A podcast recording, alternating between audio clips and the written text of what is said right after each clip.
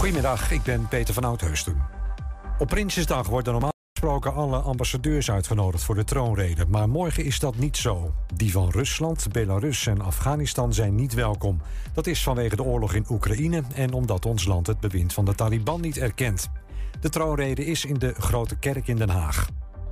Reizigersvereniging Rover en de Brandsorganisatie voor het Openbaar Vervoer doen een oproep aan het kabinet. Verlaag de BTW op kaartjes voor bus, tram en trein naar 0% Het is de enige manier om reizen betaalbaar te houden, zeggen ze. Ook vinden ze dat het OV veel schoner is dan de auto. PvdA en GroenLinks zijn bij de minister van Financiën Sigrid Kaag geweest om te praten over een prijsplafond voor gas en elektra. Ze hadden zelf een plan gemaakt en hopen dat Kaag het snel invoert. Adje Kuiken en Jesse Klaver vinden dat het kabinet sowieso laat is. Er had al veel eerder moeten worden ingegrepen, zeggen ze. En de kist van koningin Elisabeth is van Londen naar Windsor gebracht, waar straks nog één keer een dienst voor haar is. De rouwauto was dit keer van Britse makelij, een Jaguar. Eerder werd bij een ceremonie in Schotland een Mercedes gebruikt en daar waren sommige Britten verbaasd over. Het weer nog van Weer Online. Periode met zon, maar ook af en toe een bui. Het is 15 tot 17 graden. Morgen iets meer bewolking, maar droog en ook dan een graad of 16. En tot zover het ANP-nieuws. Vanaf een unieke locatie, Memphis, het ondernemerscafé van Jan Mededorp. Met spraakmakende gasten, pratend over actuele onderwerpen. Aanstaande woensdag, 6 uur, alleen hier op 120. Mam, mama, ik moet plassen. We zijn bijna bij Willemse Toiletten. Daar kun je veilig naar een schoon toilet en je handen wassen. Willemsen Toiletten, het openbaar toilet in de binnenstad van Enschede. Voor een hygiënisch en plezierig bezoek vindt u in de klanderij. Lever na uw toiletbezoek de waardebon in bij een van de deelnemende winkeliers. Scan de QR-code of kijk op willemsentoiletten.nl.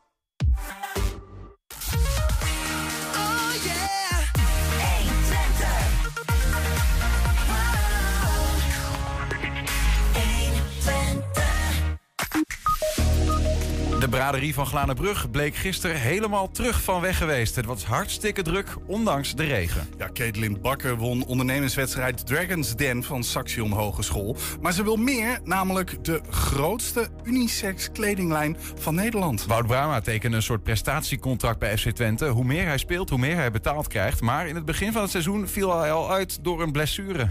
En Enschedeze crowdfunding-expert Misha van der Water gaat hengeloers op weg helpen met goede ideeën tijdens een ideeënwerkplaats. Het is maandag 19 september. Dit is 120 vandaag. 120. 120 vandaag. Hij heeft zich meer dan 12 jaar ingezet voor de begeleiding van kinderen die op school wat minder makkelijk meekomen. De laatste jaren waren dat er maar liefst 500 per jaar in Enschede, Hengelo en inmiddels ook in Oldenzaal. Afgelopen donderdag zwaarde hij af als directeur van de Stichting Onderwijsbegeleiding Oost-Nederland. Daar bleek dat zijn inzet niet onopgemerkt is gebleven. Hij werd er benoemd tot ridder in de Orde van Oranje Nassau. Dat is nogal wat. Wim van der Boom, welkom. Dankjewel, Niels. Wat een, uh, wat een enorme eer, lijkt me dat. Ja, dat, dat, uh, zo voelde dat. Ik was helemaal verrast. En uh, ja, ze hadden een feest georganiseerd voor mij. En plotseling kwam de directeur, of moet je mij horen, directeur, burgemeester eraan. De directeur van de stad? Ja, directeur van de stad, de vader. En uh, ja, die had uh, drie A4'tjes bij zich en hij begon dat uh, voor te lezen. Dat was een mooi verhaal. En toen zei hij, op het laatste zei hij, ja, zegt hij, ik, ik, kom je ridderen. En, en lintjes, dat zijn er veertig per jaar ongeveer. Of, en van de ridders twee, dus ik voelde me wel zeer vereerd. Ja, ja het, is, het is een unicum wat dat betreft. Uh, maar echt helemaal niks doorgehad. Want het was je afscheidsfeest, uh, soort of, hè, als directeur. Ja, het was mijn afscheidsfeest. Nou, ik wist dat ze bezig waren om een feest te organiseren. En iemand had een half jaar geleden gezegd of zo... Van, uh, dat, dat hij een brief naar de koning moest schrijven. Mm -hmm. en ik had toen een klein beetje een idee van... Er komt er iets aan. Er kan iets aankomen. Maar dat druk je dan gewoon weg. Want je weet niet precies wat het is.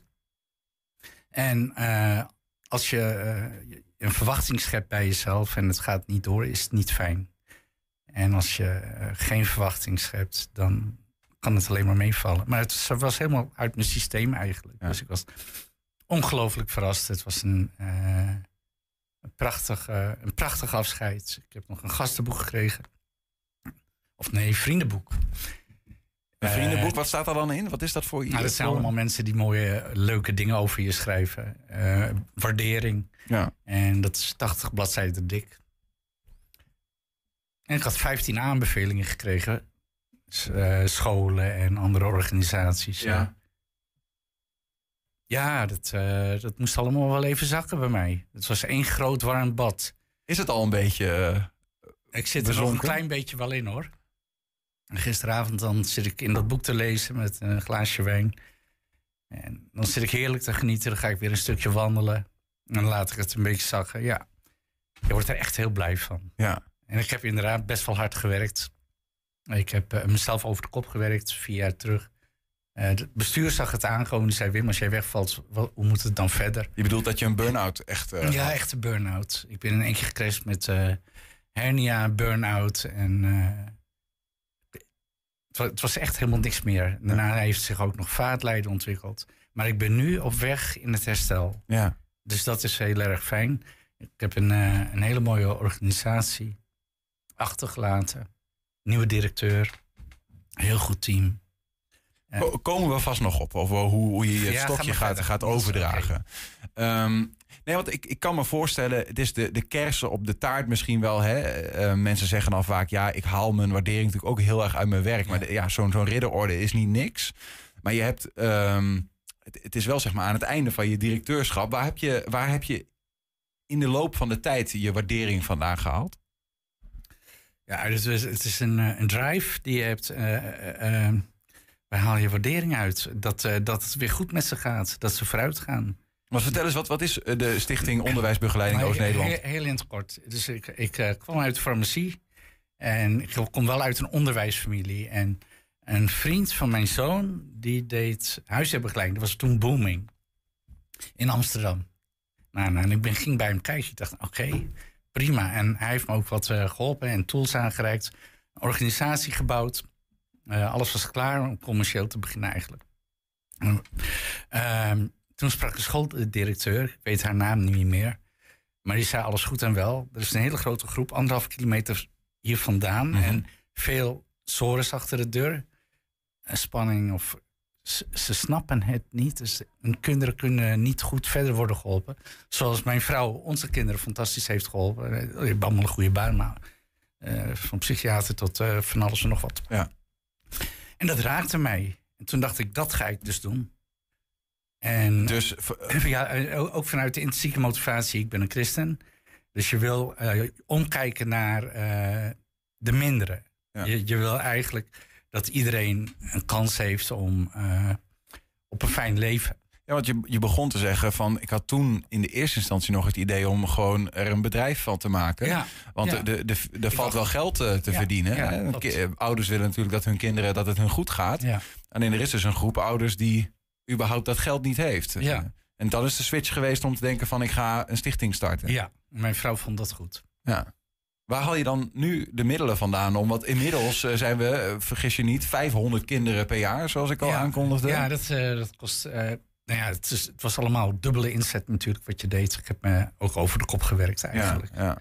En eh, onder- vanuit een groot verantwoordelijkheidsgevoel, want het moet wel klaar, het moet wel af. En op het moment dat ik nu wegga, is het. Wat was je vraag precies, Niels? Nou ja, waar je dan de, de middelen vandaan haalt Oh ja, als, je geen, eh, nou ja, als je geen geld van je klanten krijgt feitelijk. Oranje Fonds, VSB Fonds, Kansfonds was toen, Skantfonds heette het toen. Ja. Eh, wijkbudgetten, daarna eh, een structurele bijdrage vanuit de gemeente Enschede, Hengelo. En dan moest je dat geld, oh, de provincie Overijssel.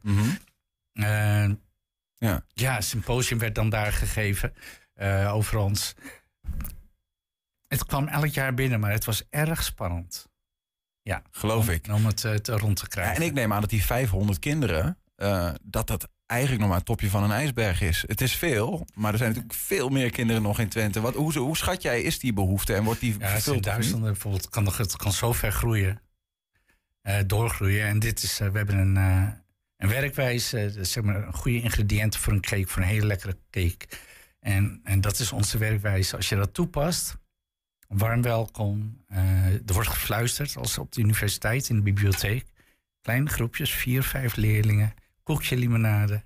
Eh, daarvoor een intakegesprek. Dus dan breng je de aandachtspunten in kaart. Sommigen kunnen zich gewoon goed concentreren. Uh, andere is vakinhoudelijk. En, thuis vertel je ook van alles wat je thuis kunt doen, moet je thuis doen. Op welke tijd ga je aan de gang enzovoort. En alles waar je in vastloopt, wat je niet meer snapt, dat neem je mee naar ons toe. Dan gaan wij je helpen als jij ervoor gaat. Ja. We zijn daarin wel een beetje streng. Met hele goede, met hele goede resultaten. Ja, ja. Zeg, gaat het om kinderen van de basisschool? Even voor alle... Van 8 tot 18. Van 8 tot 18. En we zitten ook op scholen.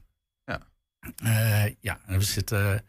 Uh, in, in, uh, we zitten op basisscholen, we zitten op middelbare scholen, we zitten in wijkcentra, we zitten bij sportclubs en dat zijn totaal ongeveer 30 locaties. Het gaat niet alleen maar, zoals je ooit geïnspireerd raakte, eigenlijk door de, je schoonzoon of je zoon, wat was het er weer? Ja, bijvoorbeeld, de, de, de vriend van, van uh, Bram, Bram is dan zoon van mij. Ja, oh ja. Nana, die deed dat in Amsterdam. En, en maar het gaat niet alleen maar wat zij deden om huiswerkbegeleiding. Hè? Je doet inmiddels wel meer. Ja, de ouders betrokken we erbij. Dus uh, we, hebben, we werken samen met de welzijnsorganisatie, Aliva. En uh, Stichting Leergeld en Resto van Harte. Ja. En ouderverzorgproject Kinderen gaan koken voor de ouders. Ouders worden persoonlijk uitgenodigd. Dus langs de deur aanbellen worden erbij betrokken en de ouders krijgen tools aangereikt om thuis hun kinderen beter te begeleiden. Niet alleen wij, maar thuis moet dat ook gebeuren. Ja. En, dat, en, en, dan krijg je ook een, eh, een, betere band met de ouders. En omdat ze zien dat, dat hun kind geholpen wordt, en zijn ze ook genegen om uh, iets terug te doen, of om iets te doen. Wat, wat zie je gebeuren bij kinderen die, uh, die je gaat begeleiden? Komen ze binnen als achtjarige en gaan ze soms weg als achttienjarige? Of nee, werkt het nee, niet nee, op die manier? nee. Uh, de een is uh, bijvoorbeeld een, een brugpieper, zeg maar, heeft misschien na drie maanden op de rit. Hè, dat hij de structuur heeft waar hij eerst bijna in verdrinkt. En sommigen die hebben dat gewoon vier, vijf jaar nodig. ik heb een, ja, een, een mooi verhaaltje. een leerling opstandig. En dan ga je daar thuis ook praten en dan kwam hij er toch weer bij. En uh, een aantal jaren later wordt gebeld, meneer Van der Boom, mag ik bij u komen? Want ik zit op de universiteit. En hij werd een hele goede begeleider, een hele goede mentor, want hij begreep die nare jongetjes. En uh, we hadden uh, een half jaar geleden een ouderverzorgproject. Ja. En toen een jonge dame, een jonge meid, of jonge dame, die hield uh, toespraak voor de ouders dus. Hè? Dus die deed het uh, vanuit Alifa tools aanreiken. Mhm. En dat was een van mijn lastige leerlingen geweest. En die had tegen de, de nieuwe directeur gezegd... misschien is meneer Van der Boom wel een beetje boos op mij. Maar dat was ik natuurlijk niet. Ja, dat soort dingen. Wat, wat gebeurt er dan als je dat ziet? Hoe je je pupil, zeg maar, die je ooit nog zo... Ja, prachtig. Ja. En dat was ook dus op dat feest dat er een moeder en een dochter... En die moeder heeft me ook uh, uh, ondersteund met aanvragen bij uh, de wijkbudgetten. Die ging dan mee om wat terug te doen. Mm -hmm. En die dochter die zat toen op de HAVO en die zit nu op de universiteit. Ja. En haar zoon, ja, het zijn al hele mooie dingen gezien. Hele mooie dingen gezien. Mooi. Mo mooier dan de ridderorde. Die vergelijking moet ja, ik helemaal niet maken. Mensenleven is mooier dan een ridderorde. Ja, dat geloof ik. Maar toch is het heel bijzonder. Ja. Um, Ja. uh, hij werd afgelopen donderdag aan je gegeven. Het, uh, het afscheidsfeest. Ik heb hem bij me trouwens. Ja, je hebt ook iets opgespeeld. Ja, dat is de Insigne. Maar Dat- uh, hij zit in, in, eh, in mijn tas. En mijn tas staat daar. Ja, misschien kan iemand, ik weet niet of ze daar aan die kant meeluisteren, maar misschien kan iemand hem nog even ophalen. Kunnen we hem zien? Dan ga, ik- kan ik je nog een, eh, een, een vraag stellen? Want je gaat, hè, dit is de afscheidsreceptie, dit, dit- dit is je vrouw, ja, ik, is mijn vrouw. Ja. Ehm, en eh, hierna ja, ga je het stokje Ja. overgeven. De nieuwe Ja. directeur van onderwijsbegeleiding zit hier. Dus een stuk ook een verjongingsslag, Ja. zag ik. Ja. Ehm, eh, ja, wat, wat geef je de nieuwe organisatie mee, zeg maar? Wat, wat, wat is nou een soort van kernadvies? Maar misschien niet alleen een nieuwe organisatie, maar misschien onderwijs geven Nederland. Ja, het, eh, het allerbelangrijkste wat, eh, en waar we begeleiden studenten op beoordelen... is dat ze de intrinsieke motivatie hebben. Dus de intrinsieke motivatie om de leerling daadwerkelijk verder te helpen. Ik heb toen begrepen dat oprechte aandacht... Dus uh, mijn zoon is psychiater, die die ene. Oprechte aandacht, welke therapie dan ook. Oprechte aandacht en een arm eromheen meenemen, serieus nemen, gekend zijn zijn eh, ingrediënten voor eh, dat de luikjes open gaan en dat je ze wat mee kunt geven. Maar ja, goed, intrinsieke motivatie als begeleider. We hebben hem trouwens opgehaald. Maar als begeleider lijkt me dat... Ja, die kun je niet altijd... ehm, eh, opwekken of zo. Hè? Dus, Nee, maar we vertellen, van, eh, we vertellen wat over de kinderen, dat ze het nodig hebben en of zij dan dat echt willen gaan doen. En dan, eh, je hebt bijvoorbeeld een student loopt weg. Ja, meneer, dat meen ik oprecht, dat ga ik doen. ja, bij de kinderen zelf Bij de kinderen zelf. Ja. Dus in het kennismakingsgesprek, wat je dan met zo'n begeleider hebt, breng je een bepaalde motivatie en drive over. Eh, een ziel over. Ja. Dus zowel bij de leerling als bij de begeleider Ja, moet er een intrinsieke motivatie Ja. zijn. Om, We hebben nu natuurlijk een intakecommissie met allemaal intakers en mentoren en projectondersteuners. Het is best wel een beetje uitgegroeid. En eh, ja, dat heerst bij ons. Dat, dat, die sfeer is er ook. Eh, van eh, dus, eh, iemand die nog niet zo lang bij ons is, die zegt van. natuurlijk moet de prestatie worden neergezet, er moet goed gewerkt worden, maar het is een hele fijne open sfeer. ja, de mensen eerst en dan de prestatie, denk ik. Zo hoor ik dat een Ja. beetje. Dat denk ik dat je dat wel goed Maar wel met, met een strenge toon, hoor ik ook wel. Ja, En dat een beetje. Je hebt hem, je hebt hem hier inmiddels voor je. Ik weet niet, ik, ik dacht ik altijd dat dit de ridderorde was. Maar blijkbaar is het, is het... Oh ja, dit ding is het, ja. Eh, hier, omhoog, daar als je hem omhoog houdt, dan eh, zie je vanzelf. Ja, geweldig. Eh, Ja. ja. Dat is natuurlijk wel. eh, Wat voor een plek krijgt hij, Wim? Eh, ja, op, op eh, feestdagen mag je, officiële feestdagen mag je hem dragen. Oké. Dus misschien dat ik dat wel doe. En ik heb hem nou natuurlijk omgedaan, of opgedaan, de insigne. Ja, eh, omdat het eh, vanwege dit programma. ja. Oh, nee. En hier staat een draagadvies in. Oh joh, En er zit een, er je krijgt, je krijgt het niet zomaar, hè? Je krijgt een heel boekwerk erbij aan regels. Geweldig. Ja, is Ja. Wat is dit, een soort poster? Nou ja, dit is eh, getekend Oh, dit is, door eh, onze koning. Ja. dus hier staat Zijn majesteit de koning, grootmeester van de Orde van Oranje Nassau... heeft bij zijn besluit van 22 augustus 2022... Willem van der Boom, geboren te Madrid... Madrid zelfs, 9 januari 1955... benoemd tot ridder in de Orde van Oranje Nassau. Geweldig. Ja, Inlijsten boven het bed? Of, eh, ja hij wordt wel ingelijst. Ja, ja. zeker. nou, be- ga, eh, bewaar hem voorzichtig. Ja. Wim, mogen we je hartelijk bedanken dat je, dat je hier was. En ehm, eh, geweldig. Ja, het zit er inmiddels op. Wat ga je doen eigenlijk nog heel kort? Eh, ja, eh, mijn dochter wil dat ik weer ga portretteren, tekenen en zo. Oké, ja.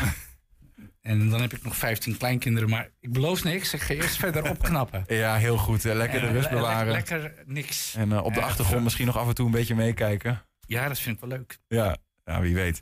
Oké. Ehm, doe rustig aan. Wim van der Boom, dankjewel voor je komst. En eh, su- succes met eh, rust eh, hebben en genieten van alles wat je toe is gekomen. Ja, dankjewel, Niels. Zometeen, Caitlin Bakker won ondernemerswedstrijd Dragons Den van Saxion. Maar ze wil meer, namelijk de grootste unisex kledinglijn van Nederland. We zijn ook als podcast te luisteren. Je vindt ons op alle bekende platforms. Eh, ik noem een Spotify, ik noem een Apple Podcast, ik noem een Podimo. Je vindt ons overal 120 vandaag en 120 vandaag uitgelicht. 120. 120 vandaag.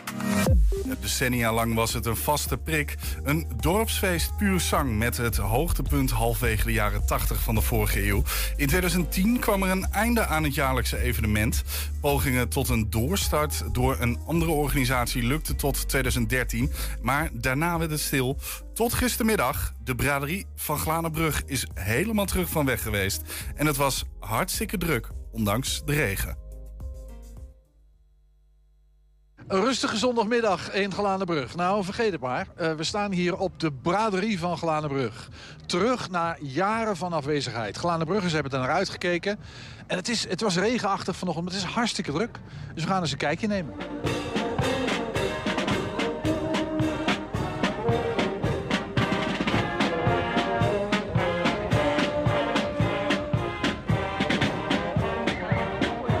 De braderie Glanenbrug. Elk jaar?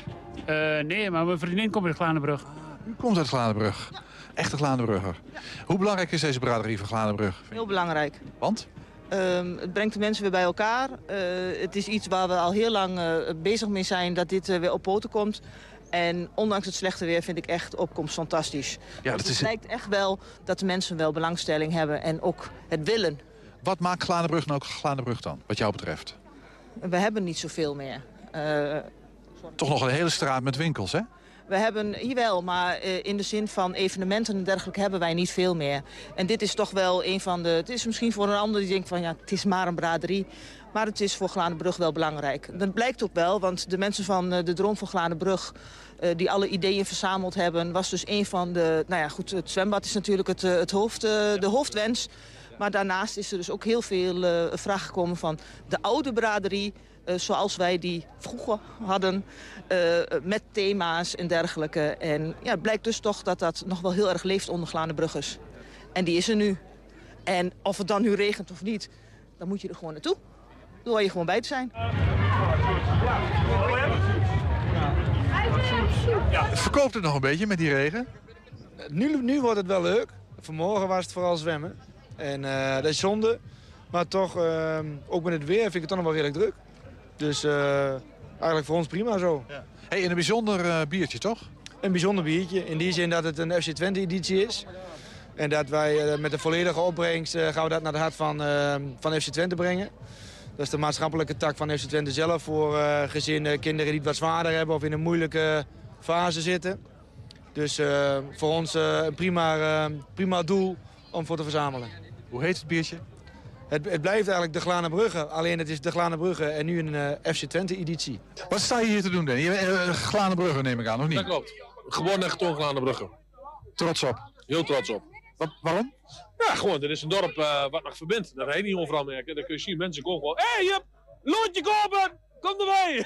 Is voor de jeugd van Glanenbrug. Jij ook uh, belt. Het is gewoon een beetje de loodjes verkopen, dat daar gaat om. Dat is belangrijk. En je zegt voor de jeugd van, uh, voor de jeugd van Glanenbrug? Ja, voor de jeugd van Glanenbrug, daar beginnen we sowieso mee. Uh, we willen de opbrengst ook uh, gebruiken voor de jeugd. Ze gaan aan het einde van de dag gaan ze de hele straat van links naar rechts schoonvegen. Daar krijgen ze dus ook een bedrag voor, zodat de jeugd ook weer dingen kan doen. En zodat we, ja, dat stukje, dat is voor, voor ons heel belangrijk. Wat maakt het jij er druk om maakt? Ik ben zelf eigenlijk een beetje een randgroep jongeren geweest, van vroeger uit. En ik weet ook wat er speelt in Glanenbrug.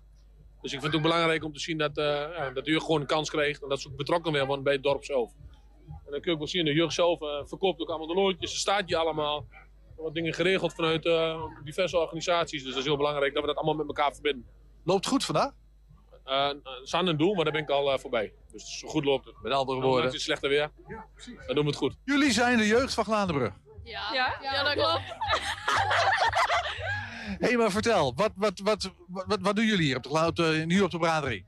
We gaan gewoon een beetje rondlopen met z'n allen en dan gaan we even naar de kraampjes kijken. Bijvoorbeeld hier ook bij het kraampje van Danny de Jong gaan we loodjes kopen en dan kun je dingen winnen. Hele leuke prijzen.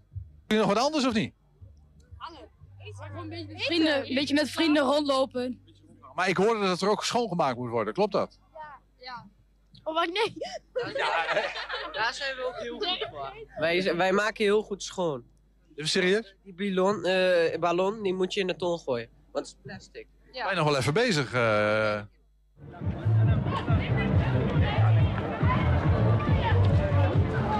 Wij zijn van Gikkeveels Clubje. Het is een koopbouwvereniging hier in Glanenbrug. En we proberen hier een beetje leden te werven. Snap ik. Hoe gaat het met de vereniging?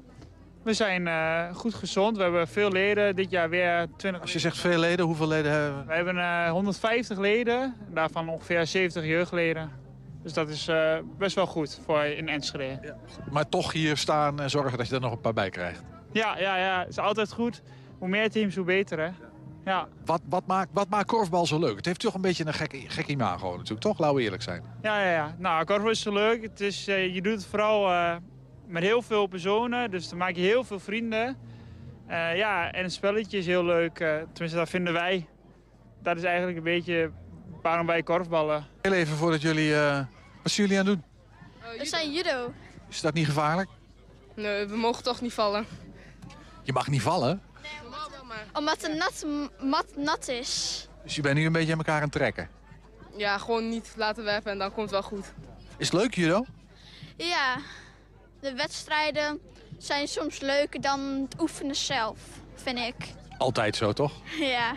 Maakt niet uit wat je doet. Hey, en jij hebt een oranje band en een groene band.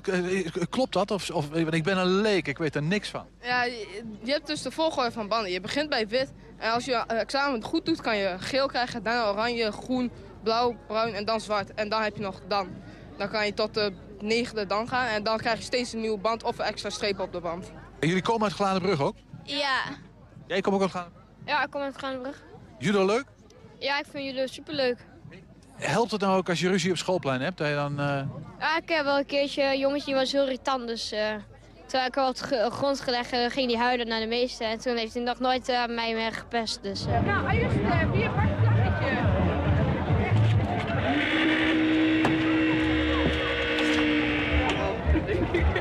Als je je... Ja,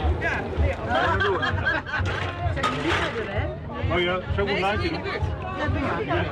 Echte Glanenbrugse likeurtjes. Dit zijn eh liqueuren van elke eh, deel van Glanenbrug met speciale namen. Noem eh Traandal. Ik wist helemaal niet dat dat bestond, joh. Ja, ja, echt, echt, echt. We, we, we, we hebben nog zelf nog een Stokersdorp. Waar we nog helemaal niet een drankje voor hebben. Eh, maar dat komt ook nog. Dus, eh, maar ik heb hier een dik. Het is van Avanti. Doet zeer, want ik ben een uh, Ellemaakman. Ja, ja. ja, maar ja, elk, el- elke buurt is elke buurt. Zo hoort dat er. Maar dat, dat gaat vandaag op een regenachtige dag. Dus vandaag loopt dat als een natuurlijk. Ik kan het bijna niet af. Ik kan het bijna niet af. Maar het is gezellig. Hè. Dit... Zweet voor het voorhoofd. Ja, wat zegt? Maar ja, ja nou, bijna, bijna. Maar ik vind dit leuk. Ik vind het leuk. En allemaal mensen die je kent natuurlijk. Glanenbruggers. Eh, en niet Glanenbruggers ook. Ja, gewoon. En je mag wat uitdelen. Gratis. Je mag wat weggeven. Nou, wat is nou mooie, wat, wat is nou mooie als dit? Doe mij maar een borreltje.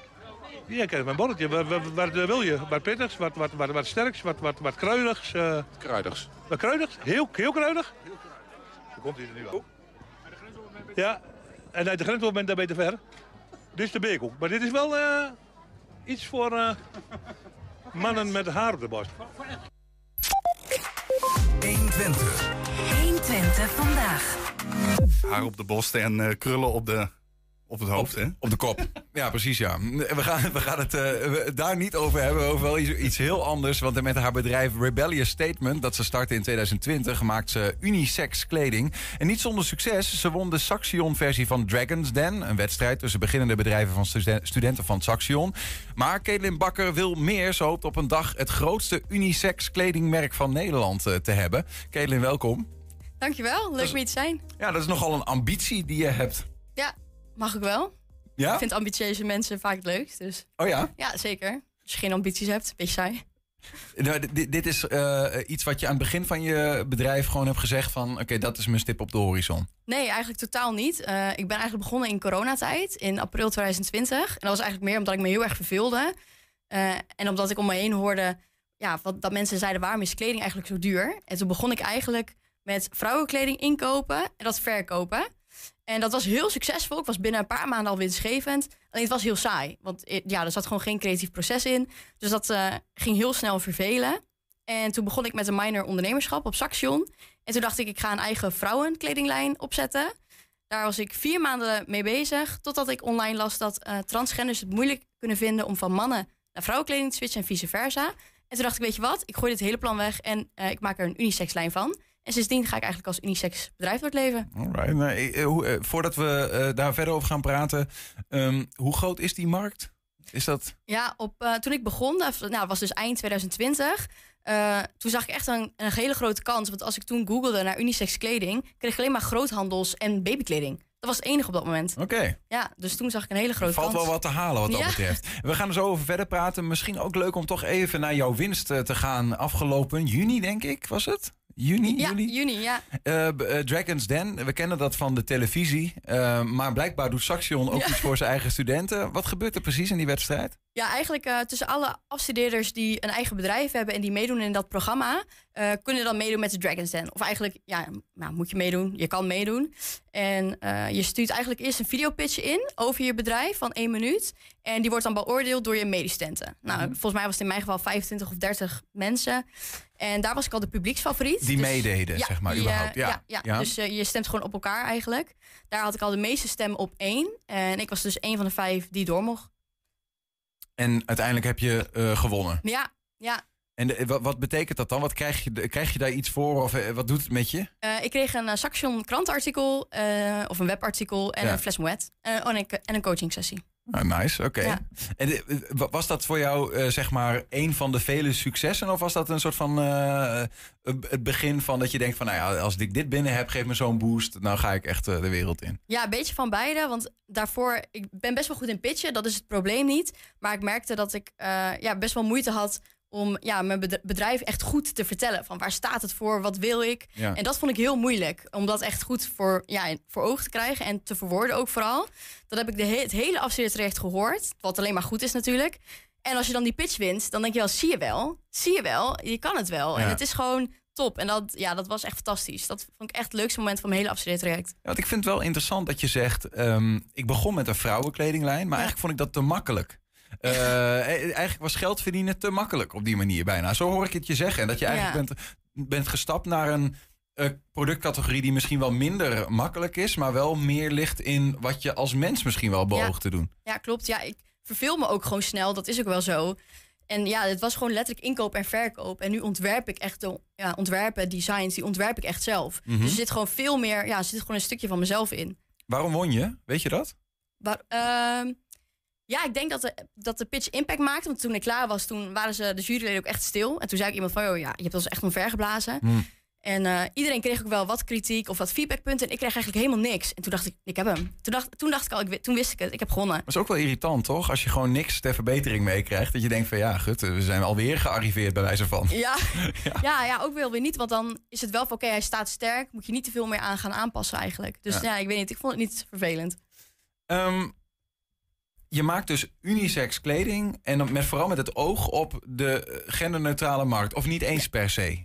Nee, het is meer. ehm, nou, ik ben dus toen geswitcht omdat ik ja, hoop moeilijkheden weg te nemen. eh, bij transgenders met name. En eh, ja, ik wil dat heel graag gesupport. Want ik vind gewoon dat iedereen ja, zich moet kunnen zijn wie hij wil zijn. Ja. En daar geen enkele moeilijkheid om moet, moeilijkheid om moet kunnen ervaren.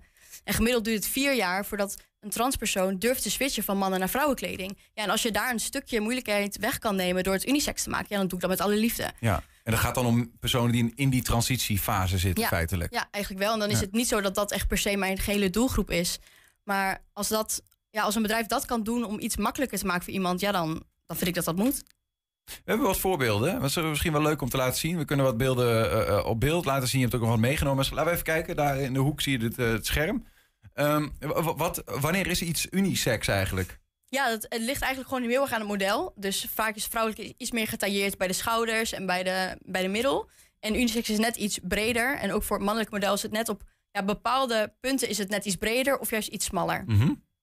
We kunnen nog meer laten zien. Misschien gewoon om een beeld te krijgen. Ja, hier zien we inderdaad gewoon... Dit zijn exact dezelfde truien die deze man en vrouw... of deze twee personen, moet ik dan in dit kader eigenlijk Ja. zeggen, aan hebben. Ja, klopt.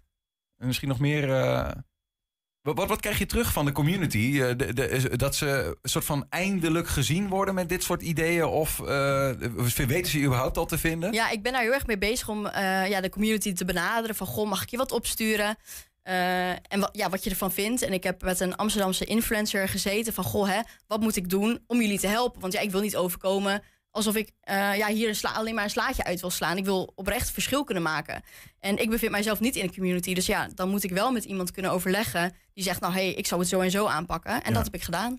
En eh, hij vond het ja, een goed initiatief. Want hij zegt, ja, op het moment dat jij ook echt naar ons toe komt... en vraagt, hé, hey, wat willen jullie? Dat toont wel dat je het ja, echt voor ons doet. Mhm. En dat, ja, dat is heel slim. Ja. Liggen er genoeg mogelijkheden wat dat betreft? Ja, ik, ik ken de cijfers eigenlijk niet over hoeveel mensen behoefte hebben aan die, Ja. eh, aan die kleding. Ja, de zoekcijfers voor unisex eh, kleding is met 200% gestegen vergeleken met twee jaar geleden. Dus dat is best wel veel. Hoe komt dat? Ja, ik denk, oh, het is heel erg overgewaaid vanuit Amerika. Want toen, dus, toen ik in eind 2020 googelde naar unisex kleding... toen eh, was het in Amerika wel echt al een ding, maar hier nog helemaal niet. Dus ik denk dat het gewoon ja, is overgewaaid uit Amerika. Ja. We zien hier ook even misschien een leuk of- voorbeeldje. Hè? De, de- een, een t-shirt waar achterop staat... The grass isn't greener, it's fake. Ja. Het gras is niet groener, het is nep. Is, is, eh, hebben jouw statements, want jouw bedrijf heet ook... eh, moet ik goed zeggen, even rebellious statement. Ja. Ehm, zi- zit daar ook nog iets van een activistische agenda voor jezelf achter? Ja, ik doe wel meer met eh, ja, quotes. Eh, vooral ook de, deze loopt heel goed met de quote. En ook de You bring a lot to the, ta- to the table and it's okay to act like it. Mhm. Die lopen heel goed. Dat zijn ook echt van de, ja, inderdaad statement quotes. Eh, maar het is niet dat het alleen maar de ontwerpers zijn. Ja, maar goed, eh, eh, want je vertelt net, hè, wat ik me heel goed kan voorstellen. Mensen die in transitie zijn, die onzeker zijn van ja, moet ik nou mannenkleding of vrouwenkleding? En om dan een t-shirt te gaan dragen wat de unisex is, is prettig. Maar een statement erop te dragen, dat is er weer een stap verder. hè? Verder, ja, ja, ja. Maar de, ik leg er niet hele, ehm, ja, hele systeem is op die echt in your Nee, face precies, zijn. ja. Eh, ik heb het wel een keer geprobeerd. Ik moet zeggen dat ik de exacte quote niet meer weet. Maar dat, ja, dat liep niet. Nee. Dus, eh, nou ja, Het is toch een beetje, eh, nou ja, dat je van meerdere kanten ernaar Ja, kan kijken. ja, precies. Je hebt nog wat dingen meegenomen. Misschien ook wel leuk om, om even wat t-shirts en, en dingen te laten zien die je maakt. Ja. Hoe, hoe komt dat eigenlijk tot stand, Kelly? Maak je dat, ga je zelf achter een, een, een naaimachine zitten of hoe, hoe werkt dat? Nee, de kledingstukken zelf, dus de kale t-shirts, die koop ik in. En de prints, dat ontwerp ik in Illustrator of InDesign. En dan laat ik dat drukken hier in Enschede. Ja, want dat, is dat jouw vak? Dat je, ben jij ontwerper of wat? wat Nee, ik ben eigenlijk eh, ja, marketeer. Ja. Maar eh, op de opleiding Creative Business heb ik ook leren ontwerpen. Ja. Dus eigenlijk alles wat ik in mijn bedrijf nodig heb, heb ik geleerd op de opleiding. Terwijl in mijn tijd het, eh, het ondernemen best wel tegenviel. Eh, ze hebben nu dat nu echt heel erg lopen uitbreiden. ja, ja, je hebt het eigenlijk wel zelf moeten, zo. moeten leren vooral. Nee, ja, het, het eh, ondernemen wel. Want, of tenminste heb ik bij de minor geleerd, maar echt niet bij de opleiding. Nee, nee. En het ontwerp heb ik wel echt bij de, eh, bij de opleiding geleerd. Ik had nog nooit van Illustrator gehoord überhaupt. Dus ja. Ja, precies. Nou, dan doe je dat Ja. toch eh, vrij goed als het Ja. zo... eh, Ja. En dit, is dit, gaat dit nou inmiddels ook al... Die, want die vrouwenkleding ging als warme broodjes. Wat, eh, wat is de verhouding ongeveer? Dit gaat een, ja, aanzienlijk minder. Ehm, maar nu heb ik ook echt wel de tijd die ik... Ja, ik kan er nu echt de tijd in stoppen. En ik heb ook de hele vakantie niks gedaan, wat heel stom is. Eh, en dan kom ik daarna met allemaal t-shirts aan, aankakken, zeg maar. Maar het, het- deze maand gaat het wel alweer beter. Dus ik merk wel nu ik ben afgestudeerd en echt vol de tijd voor heb. Ja. Samen met Merle. Dat, ja, nu gaat het wel, eh, wel veel beter dan tijdens mijn eh, opleiding al. Merle is een compagnon? Of Is een die- medewerker. Ja. Oké, ja. Die, Dus, heb je ook al. Ja, ja, ja. Ja, Nou ja, en wat ik begreep ook al, wat, je, wat ook niet veel starterondernemers hebben, je hebt ook eigen ruimte. ja klopt. Ja, op Saxion. Ja. Dat is, eh, ja, eh, wat doe jij dat het allemaal zo toevalt? Ja. Eh, Dat is denk ik gewoon echt. ja, sociaal zijn. Ik, ja, ik weet niet, want we hebben de, nou, ik heb de minor gedaan. Toen leerde ik al iemand kennen. Ja. Dan ga je afstuderen. Dan leer je ook weer mensen kennen. Vooral docenten of managers daar. Mhm. En na het afstuderen gingen ik en twee vrienden die ook ondernemers zijn. Ja, wij bleven gewoon op Saxion eigenlijk afspreken. En toen kwam een van die managers naar ons toe en die zei: Hey, wat leuk dat jullie hier nog zijn. Maar hiernaast is een kantoorruimte, die staat leeg, willen jullie daarin? Dus wij dachten, wij waren helemaal bang dat wij er juist uit werden gezet. Maar Ja. nee, eh, het was juist van ja we, zijn, ja, we zijn gewoon blij dat jullie er nog zijn. Toch zijn deze kledingstukken, hè, om het te zeggen, de, de- het magazijn, dat is daar niet, hè? Nee, dat is in mijn eigen appartement. Ik heb één kamer, die heb Hoeveel vierkante meter heb je, ik zeggen? Ja. Nee, eh, de- die kamer is iets van 30 of zo. Ja, dus die, die ruimte heb ik geclaimd. Dus daar is mijn vriend ook niet heel blij mee. maar ik heb één, eh, ja, gewoon één kamer wat eigenlijk een beetje een magazijn is. Ja. Hier zitten nog wat dikke, ja, we, we hebben nog Ja. wat truien en zo die Ja. er aankomen, hè? Dat is echt nog wat anders om te laten zien. Schouderprint, Ah, het ziet er wel leuk uit, hoor. Hé. longsleeves. Ja. Ja, dankjewel. Is, is het nou ook niet zo dat tegenwoordig ook steeds meer mannen eigenlijk met vrouwen, eh, nou ja, vrouwenkleding, eh, met de kleuren van wat normaal op een vrouwenkleding zou Ja. zitten rondlopen? Dat dat ook jou helpt? Ja, want er was ook iemand die zei van... Hey, eh, ja, de term vrouwelijk wil ik dan niet per se gebruiken... maar hey, dit is toch echt wel heel vrouwelijk. Maar de meeste mensen die dit hebben gekocht, zijn eigenlijk man. Dus dat vind ik eigenlijk best wel heel grappig aan. Ja. Grappig, ja. Dit, dit is toch een hele andere... Niet, niet alleen maar voor de, de groep die zich transgender noemt... of in de transitie zit, maar de hele kledingwereld Ja. verandert wat dat betreft. Is dat, helpt het jou om eh, tot slot even naar jouw ambitie weer te gaan... eh, de, de- het grootste unisexmerk van Nederland te worden? Ik voel Ja. me af, ja, heb je een soort, van, een, een soort van plan van hoe je dat gaat, eh, gaat doen? Ja, ik heb tijdens mijn afstudeertraject heb ik een marketing-communicatieplan geschreven. Waarin zes marketing-communicatiemiddelen voorkomen waarvan ik denk, hey, hiermee worden we succesvol. En die worden vanaf nu allemaal ingezet. Dus ik ben benieuwd waar het over een half jaar of een jaar staat. Maar het doel is wel om eh, over vijf jaar sowieso wel eh, een paar winkels te hebben. Mooi hoor. Voor over vijf jaar een paar winkels. Ja. eh, Alsof het wisselgeld is. Ja, precies. Eh Caitlin Bakker, super eh, dank dat je hier was. En heel veel succes om dat eh, nou ja, werkelijkheid te maken. Voor jouw bedrijf, maar ook voor die mensen die hier zoveel behoefte aan hebben. Dankjewel. Dankjewel. Straks Enschedese crowdfunding-expert Misha van der Water... gaat hengeloers op weg helpen met goede ideeën... tijdens een ideeënwerkplaats. 120. 120 vandaag. Ja, af een tijd bij FC Twente. De nieuwe overeenkomst is een soort prestatiecontract. Hoe meer hij speelt, hoe meer hij betaald krijgt. Maar er leek al snel een kink in de kabel te komen. Brahma raakte al vroeg in het seizoen geblesseerd. Wat gaat er dan door jouw hoofd? Ja, het is, altijd balen. Dus wanneer dat ook gebeurt. Dit was gelukkig een kleine blessure. Ik ben er geloof ik 3,5 week of zo uit geweest. Met mijn lies, dus dat is wel vervelend. De, de, de doorbloeding is wat minder altijd. En eh, nou ja, Ehm, ja, geblesseerd zijn is niet leuk. Maar, eh, en daarna moet je weer langzaam stapjes omhoog maken. En ja, dat doen we nu wat voorzichtiger met mij dan, eh, dan normaal misschien. Dus ja, dat- daarom duurt het soms wat langer dan je eigenlijk zelf wil. Want je wil natuurlijk graag, maar eh, ja, het is wat het is. En je zegt, doen we iets voorzichtiger. Bedoel je dan misschien een max aan het aantal minuten dat jij per wedstrijd gaat spelen? Ja, dat ook. En de trainingsopbouw die, eh, ja, die verhogen we wat langzamer dan, dan dat ik normaal zou doen, denk ik. Ehm, dus ja, we zijn er wat voorzichtiger mee. En dat begrijp ik heel goed. Soms is dat wat moeilijker, maar eh, ik kom op een leeftijd waarin ik soms wat verstandig eh, ga worden. Verbaast dat jezelf? ja, een beetje wel. Want normaal gesproken moet ik zeggen, dan, als ik dan weer fit ben, denk ik... ja, ik ben toch fit, kom op, hup, ga met die banaan. Maar ehm, ja, de, de ervaring heeft me, heeft me wel geleerd dat het niet altijd het verstandigst is. Ik kan me inderdaad momenten herinneren waarop jij dacht dat je meer aankon dan dat uh, verstandig werd geacht. Um, nou ving ik van de week iets op over dat er een soort van poeltje poeltje misschien, ik weet niet... maar dat, de, dat de jongens een soort van weddenschapje hebben over hoe vaak jij gaat spelen. Hoe zit dat in elkaar? Nou ja, ik moet zeggen dat ik ook een beetje verbaasd was. Want het was een beetje een geintje en ik, voor mij is het niet heel serieus opge, opgenomen. Maar uh, ja, ik, ik, stond zo voor de camera, dus ik denk ik speel maar een beetje mee. Maar volgens mij valt het reuze mee hoe, hoe serieus deze pool is. Want ik moet zeggen dat ik zelf niet eens heel goed op de hoogte ben. Oh, dus het is niet zo dat er echt een lijst in de, in de spelershome hangt... Van hoeveel minuten jij gaat maken. Nee, want dat zou ik ook echt weghalen. Nee, dat gaat niet gebeuren. Uh, nou ja, je hebt dus nu drie keer weer meegedaan. Uh, hoe kijk je daarop terug, op die uh, wedstrijden? Oh, dat is zo cliché, hoe kijk je daarop terug? Maar uh, hoe vond je dat het ging? Ik ga het anders verwoorden. Neem ons eens mee. Ja. Ehm, ja. best wel positief eigenlijk. Ik moet zeggen dat ik toen ik jong was, of jonger was... toen ehm, vond ik invallen best wel wat lastiger, moet ik zeggen. En in de laatste twee jaar gaat me het eigenlijk wel veel beter af. Um, je komt wel in een best wel een hoog tempo en een hoog ritme. In één keer ga je van hartslag 100 naar 180, zeg maar. Dat is altijd wel een beetje, een beetje wennen.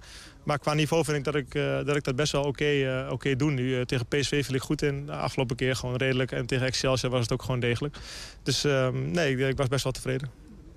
Als je dan kijkt naar, ja, Europese wedstrijden natuurlijk nog bij... maar naar zes competitiewedstrijden op weg, die Europese wedstrijden erbij... gewoon hoe jullie als team erop staan. Hoe vind je dan dat jullie erin zitten in het seizoen? Nou, ik denk dat wij verder zijn dan veel andere ploegen... omdat we gewoon de ploeg bij elkaar hebben gehouden. Dus dat is een groot voordeel voor ons. Um, kan ook uh, in de loop van het seizoen uh, ja, kan het ook zijn dat irritaties van vorig jaar soms ook misschien wat groter worden. Dus daar moeten we voor waken. Maar uh, ja, nee, we hebben een hele fijne groep die, die, die strijdt op trainingen. Die in de wedstrijden echt heel veel, heel veel energie geeft. Die, die goed met elkaar omgaat. Alleen we hebben ook een hele brede selectie. En ja, ik heb het afgelopen weekend na de wedstrijd ook gezegd. Daarvan moeten we wel een beetje waken dat iedereen wel ja, binnen, die, binnen die hekken blijft. Nee, want bijvoorbeeld vorige week in aanloop naar, naar uh, die wedstrijd tegen AZ... toen zei Jans, ja, ik was niet zo helemaal tevreden over hoe er getraind werd. Zijn dat dan dingen waar jij je ook tegenaan bemoeit... als een van de, nou ja, de routiniers? Ja, alleen de reden waarom er niet zo goed getraind was, uh, die, die lag wel uh, niet alleen bij de spelers, vond ik. Uh, dus nee, we, hebben, kijk, we waren twee dagen vrij. En dan is het altijd een beetje opstarten. Ja, de trainers wilden een hele tactische vorm doen. En ik vond dat daarin niet de, de allerslimste keuze was gemaakt. Maar goed, wij hadden het ook beter in moeten vullen. Dus ik vond dat het bij allebei niet, niet de beste training was. Dus je bedoelt, het was niet het moment om na twee dagen vrij zo'n oefening erin te gooien? Nou ja, en de ervaring leert dat dat niet het beste werkt. en dat laat je dan ook nog wel even merken? Dat heb ik ze zeker laten weten, ja, uiteraard. En luisteren ze dan ook wel naar je? Nou, dat zullen we de volgende keer zien. Als we weer twee dagen vrij hebben gehad. Zo vaak zijn we niet vrij, dus uh, vraag me over een paar weken nog een keer. Ja, dit interview was met uh, Brama opgenomen voor de wedstrijd van gisteren tegen Herenveen, waarin hij trouwens ook minuten maakte. Inmiddels staat de teller dus op vier wedstrijden voor de routinier. 120. 120 vandaag. Misha van der Water is crowdfunding-expert. Naar eigen zeggen de enige onafhankelijke van Nederland. Volgende week dinsdag gaat de Enschede Hengeloers op weg helpen... met goede ideeën tijdens een ideeënwerkplaats in de Hengeloze Bibliotheek. Misha is weer bij ons, welkom. Dankjewel. Uh, een, een slogan van jou luidt, heb ik me laten vertellen... als je alleen maar geld nodig hebt, moet je niet bij mij zijn. Klopt inderdaad. Maar je bent toch crowdfunding-expert? Ja, dat is een, een groot misverstand dat uh, crowdfunding eigenlijk alleen maar om geld zou draaien. En ik ben een groot voorstander van, uh, van eigenlijk de meerwaarde van crowdfunding naast geld.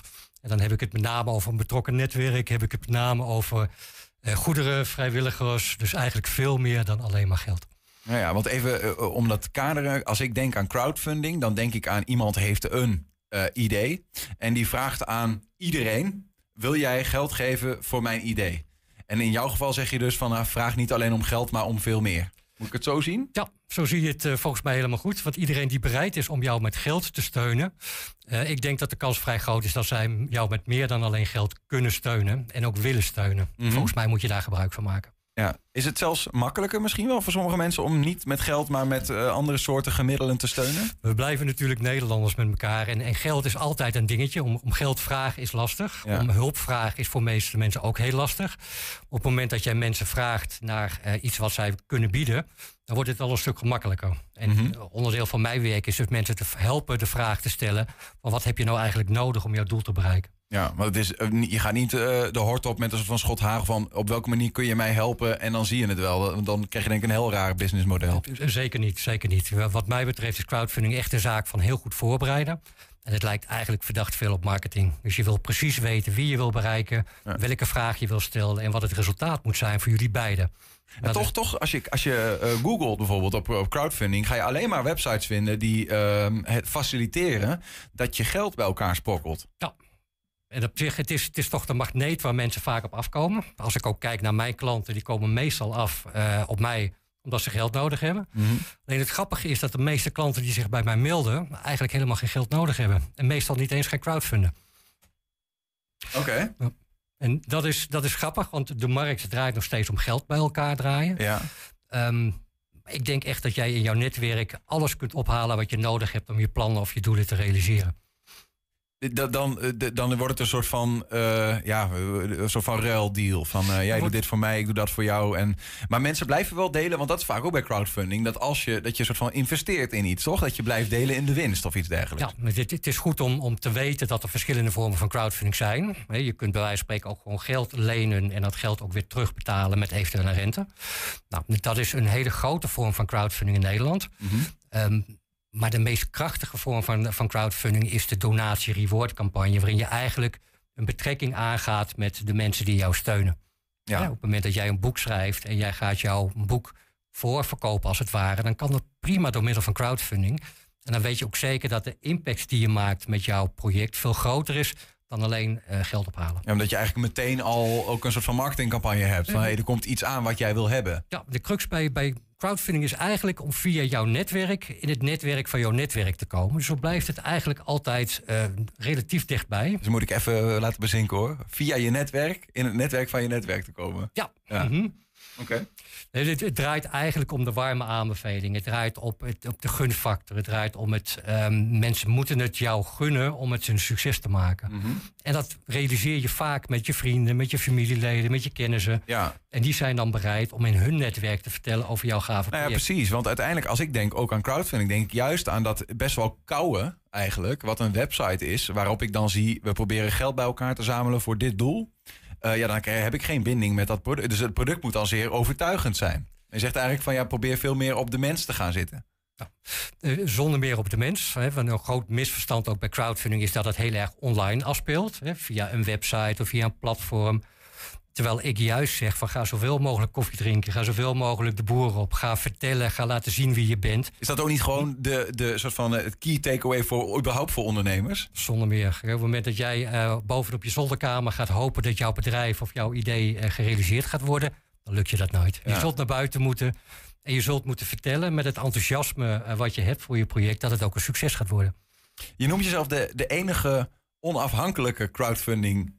Crowdfundings-expert of crowdfunding-expert? Dat weet ik eigenlijk nog steeds niet. Ik luister naar alle termen. Oké, maar in ieder geval de enige onafhankelijke. Wa- Hoe, hoezo dat? Hoe durf je dat zo bout te beweren? Ik- ik- Het is ook een hele stoere uitspraak als je hem zo doet. Ehm, het heeft er meer mee te maken dat ik nog geen andere tegengekomen ben.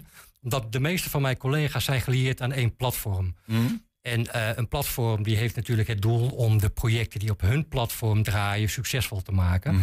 Ehm, maar doen dat lang niet zo intensief als ik dat doe. En ik wil ook de vrijheid hebben om de keuze te maken voor een platform wat past bij het project. En je hebt in, Nederland heb je heel veel verschillende platformen.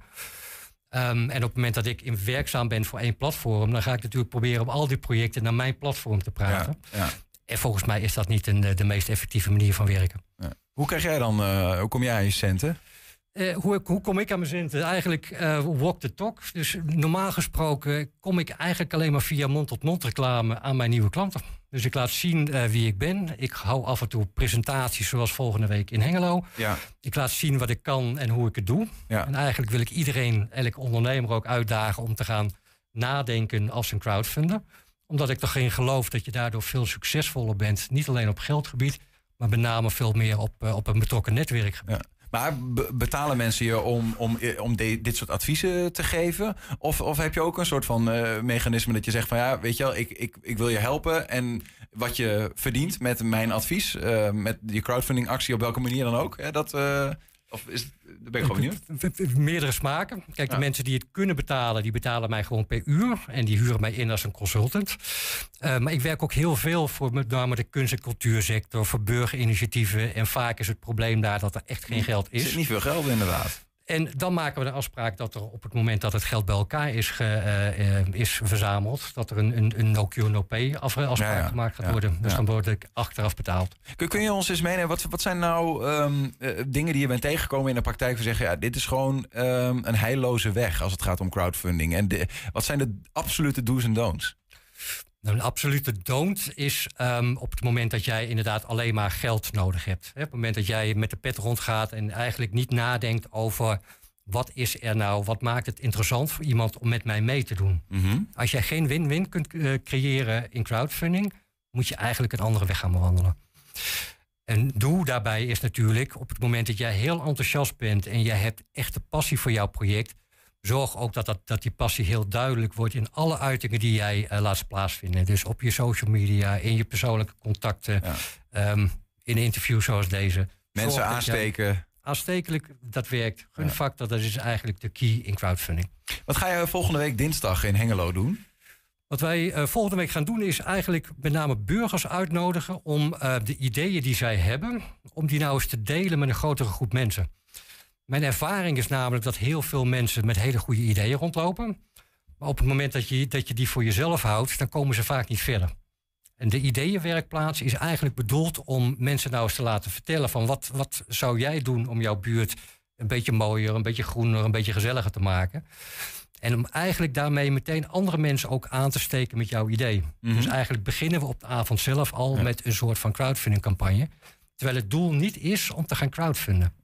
Het doel is eigenlijk om andere mensen eh, te betrekken bij jouw ideeën. En daarmee je idee wat groter en daarmee realistischer te maken. Ik, ik denk wel dat eh, de, eh, de mensen die een drempel voelen om hun idee überhaupt wereldkundig te maken, zullen die ook niet een drempel voelen om naar zo'n avond. Dat is vaak een beetje het lastige van iemand die niet echt ondernemerschap in zijn vezels heeft, naar mijn idee. Ja, ik, ik- denk dat je daar een heel terecht punt maakt. Eh, gelukkig ben ik ook niet de enige die volgende week op het podium staat bij, het, eh, bij de Ideeënwerkplaats. Ehm, Een collega van mij, Lidie Noorman, is initiatievencoach en heeft heel veel contact met burgerinitiatieven. Ehm, andere sprekers, Bert Otter van de Slinger in Hengelo. Ook hij heeft namens het bedrijfsleven heel veel contact met initiatieven. En wij hopen natuurlijk ook dat de mensen die in het verleden een idee hebben uitgewerkt tot een gerealiseerd plan, ehm, ook onze ambassadeurs gaan worden en zorgen dat zij toch hun buurman of buurvrouw erbij gaan betrekken. Ja. Dus komt dat zien op dinsdag 27 september. Dan eh, kunnen inwoners van Hengelo met een briljant idee meedoen aan uh, Ideeënwerkplaats. En ook als je denkt dat het niet briljant is, denk ik. Hè? Eh, elk idee is wat mij betreft welkom, want op het moment dat er een zaadje is geplant, dan gaan wij ervoor zorgen dat dat zaadje gaat groeien volgende week dinsdag. Mooi. Het is in de bibliotheek en de start is om half acht. Iedereen is van harte welkom. Aanmelden is niet nodig, heb ik me laten vertellen. Dus Niet nodig. verlagen, het scheelt. Heel spannend. Misha van der Water, dankjewel voor je uitleg. En succes volgende week en met het aanvuren van de mensen. Heel graag gedaan. Heb je een tip voor de redactie? Mail dat dan even naar info.120.nl 120. 120 vandaag. Ja, we schrijven 1594. Ja, dat is al eh, een aantal weekjes geleden. De tweede atlas ooit werd gemaakt met, jawel, een kaart van de Nederlanden. Gemaakt door Mr. Abraham Ortelius himself. Na Mercator de grootste cartograaf van zijn tijd. En, jawel, ook op die kaart Twente en Oldenzaal... met de verwijzing naar een eh, grote veldslag... die de Romeinen daar zouden hebben geleverd. Maar die Ortelius, die blijkt zich, hoe knap hij ook was... knap vergist te hebben. Meneer Plokker, we zitten in het nieuwe restauratieatelier. Ja. Ehm, nou, dat is omdat dat eh, even nu de meest makkelijke plek is, geloof ik. Ja, ben je even ruimte. hè? Ja, ja, dat klopt. Ruimte zat. Wat heb je meegenomen? Een kaart. Ik Een zal hem kaart. even, even opklappen.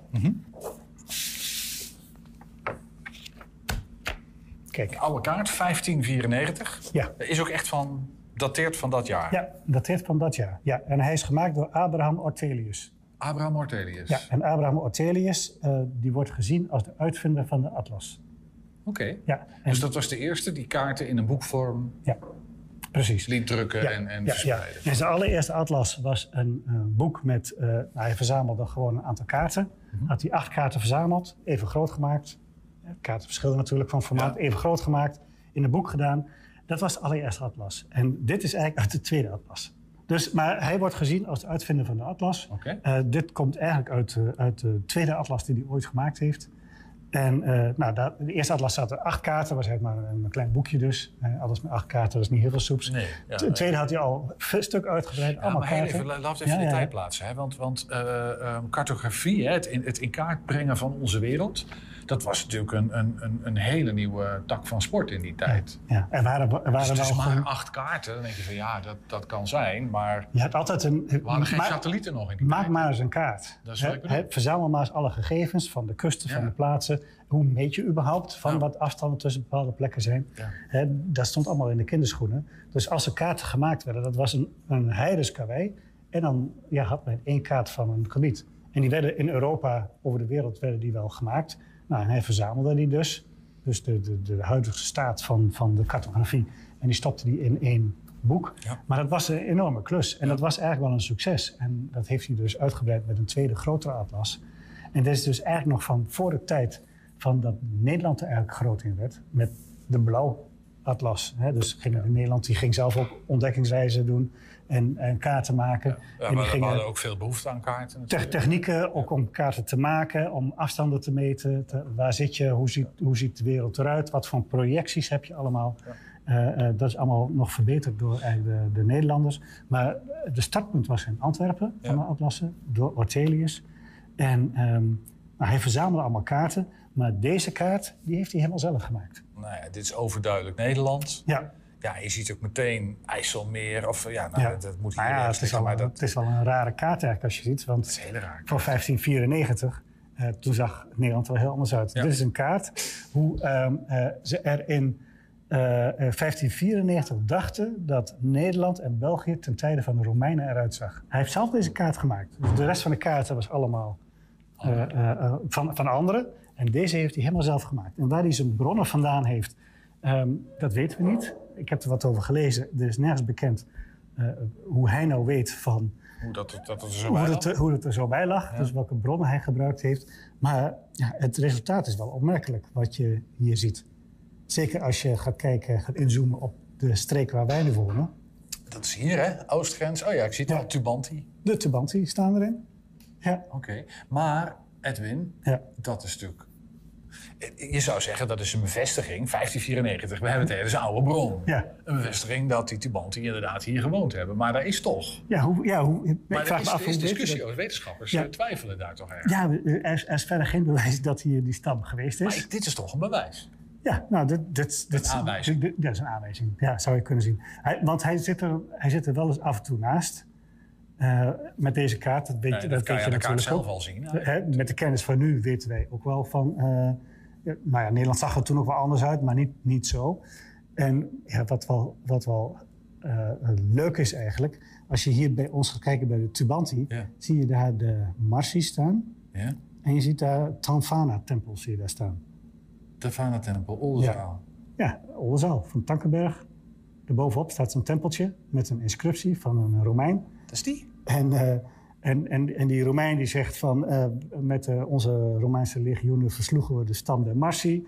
En eh, er waren heel veel mensen nodig om die stam te verslaan. En dat- en dat, deed je, dat deed je natuurlijk van hoe groot je de tegenstander maakt... hoe groot je ben je prestatie was. ja. Ja, en daarbij vernietigen we het heiligdom van, het, Daarom zit van, ik de, altijd bij jou aan tafel. van de, heilige, van de heidense, Tanfana, van de heidense godin Tanfana. Mhm. En meteen vernietigd toen. Nou, dat is, dat is die inscriptie die boven bij dat eh, Tankenberg in het tempeltje staat.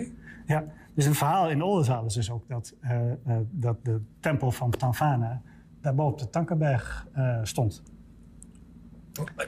Ja, Ja. ik, ik- Maar- zeg ja, Oldenzaal. Maar-. Ja. Want 1594, Abraham Ortelius... eh, Ja, maar, maar natuurlijk, nu heb je natuurlijk de stand van wetenschap, de Marsi, de stam. Ja. Eh, eh, en die Romeinse veldslag. Dat heeft inderdaad plaatsgevonden. Mhm. Alleen die Marsi, die woonde tussen de Lippen en de Roer, in het Roergebied. Helemaal Dat niet hier. hier, dat is hier Ja, ja. Dus, dus Ortelis zat er nogal naast met, met, eh, met die Marci. En die Tanvana-tempel, eh, die gelijkertijd, hè, waar die Romein over had dat die vernietigd werd, ja, die stond in het gebied van die Marci. Dus die stond daar ook in de buurt. Met dus, andere woorden? Helaas, Oldenzaal. Uh, de Tanvana-tempel stond niet boven de Tankenberg. Het is, dit is, zou dan het, het, het, het, het zoveelste verhaal zijn dat we in deze serie onderuit halen. Ja. Namelijk die tempel daar in Onderzaal. Ja. Dat is een mooi verhaal, maar daar deugt niks van. Daar deugt niks van. Ja. Maar ik vind het toch opmerkelijk dat Abraham Mortelius het wel intekent op deze kaart. Ja. Op die, dus dit is wel ongeveer, je zou je kunnen voorstellen, Onderzaal. Ja, ik vraag, ja. ja wat dat, dat, de plek klopt wel ongeveer. Ja. ja. Dus misschien kent hij dat verhaal van Oldenzaal. Dus dat ze- Oldenzaal toen al bezig was in 1594. Dus bij ons stond die Tanvana-tempel.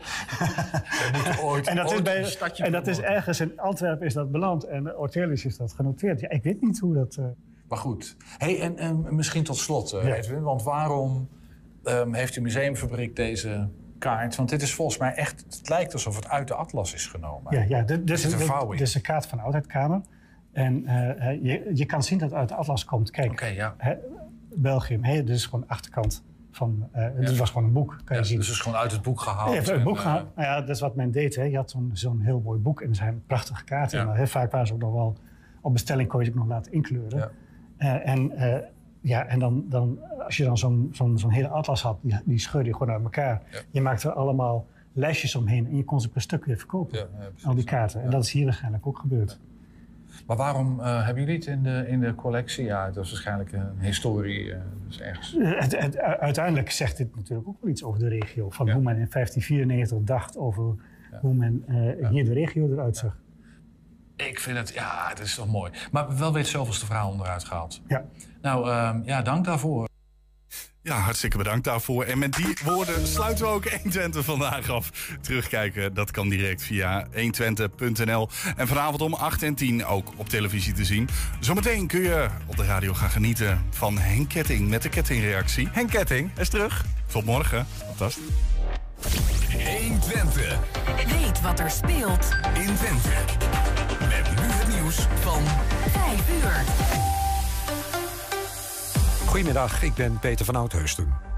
Er moeten nu echt eens excuses worden gemaakt voor het slavernijverleden... want dat is belangrijk voor de nazaten... zegt de Nationaal Coördinator tegen Discriminatie en Racisme.